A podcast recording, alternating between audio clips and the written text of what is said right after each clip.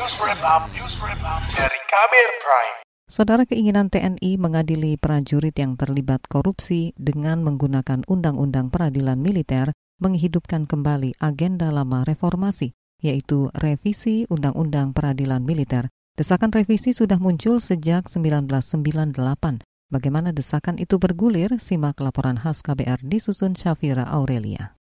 Undang-undang tentang peradilan militer dinilai sebagian kalangan sebagai sarana impunitas dan alibi untuk tidak mengadili prajurit TNI di peradilan umum.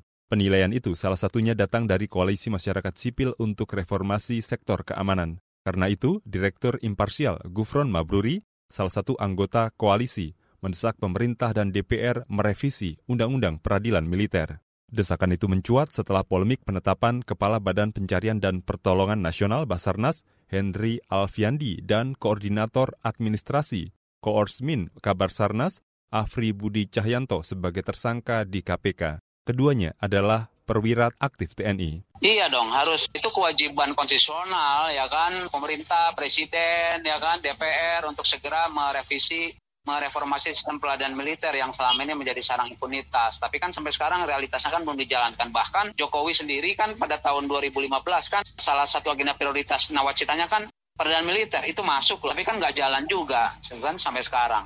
Direktur Imparsial Gufron Mabruri juga mendorong pemerintah segera mengevaluasi keberadaan prajurit TNI aktif di berbagai instansi sipil, terutama pada lembaga yang jelas bertentangan dengan ketentuan dalam Undang-Undang TNI. Ia khawatir penyelesaian kasus hukum di internal TNI bakal melanggengkan impunitas bagi prajurit. Desakan revisi juga disuarakan pakar hukum dari Universitas Trisakti Jakarta, Abdul Fikar Hajar. Menurutnya, Undang-Undang Peradilan Militer sudah tidak relevan untuk menangani kasus yang melibatkan personel TNI. Selain itu, Abdul Fikar juga mendorong KPK tidak lepas tangan dalam mengusut dugaan aliran dana di lingkungan TNI. Menurut saya undang-undang militer sesuai dengan namanya mestinya hanya mengadili kejahatan di waktu perang saja gitu. Pengadilan militer itu ketika dia melakukan tugasnya sebagai militer dalam pemiliteran di dalam perang. Tapi begitu keadaan damai, sebenarnya kan semuanya kegiatan sipil ya, semuanya kegiatan sipil. Nah, karena itu itu tadi saya bilang ketika akan dikaryakan di ranah atau instansi sipil, lebih baik diberhentikan militernya gitu. Merespons dorongan revisi Undang-Undang Peradilan Militer, anggota Komisi Bidang Pertahanan DPR Dev Laksono bakal menampung desakan tersebut. Di luar hal itu, ia mendorong KPK dan Puspom TNI berkoordinasi dalam penanganan dugaan korupsi di Basarnas. Ini kan aspirasi masyarakat.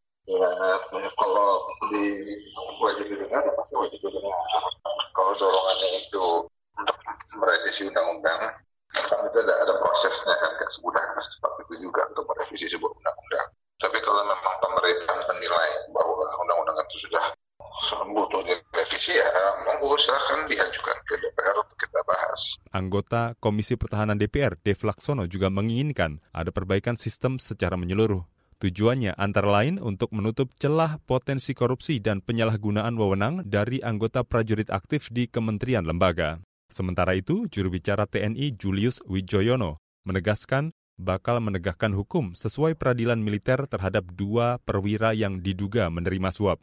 Kata dia, proses penegakan dugaan suap di Basarnas juga akan berkoordinasi dengan KPK. Berkaitan dengan masalah keraguan adanya keraguan masyarakat untuk menyelesaikan masalah korupsi. TNI itu salah satu yang telah berhasil menghukum pelaku tindakan korupsi dengan hukuman maksimal seumur hidup. Ada dua di negara ini, di sejarah bangsa ini bahwa koruptor dihukum sampai semaksimal mungkin hanya dua. Satu di TNI, satunya di, di sipil. Jadi nggak usah khawatir.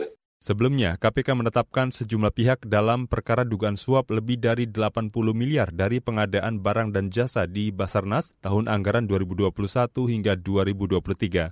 Salah satunya adalah Kepala Basarnas Henry Alfiandi. Namun tak lama setelah penetapan itu KPK meminta maaf karena mengaku hilaf. KPK kemudian menyerahkan proses hukum dua tersangka ke Puspom TNI. Alasannya, karena keduanya merupakan perwira aktif militer, sehingga harus diserahkan ke TNI untuk disidang di peradilan militer. Demikian laporan khas KBR, saya Sindu Darmawan. Kamu baru saja mendengarkan news wrap up dari KBR Prime. Dengarkan terus kbrprime.id, podcast for curious mind.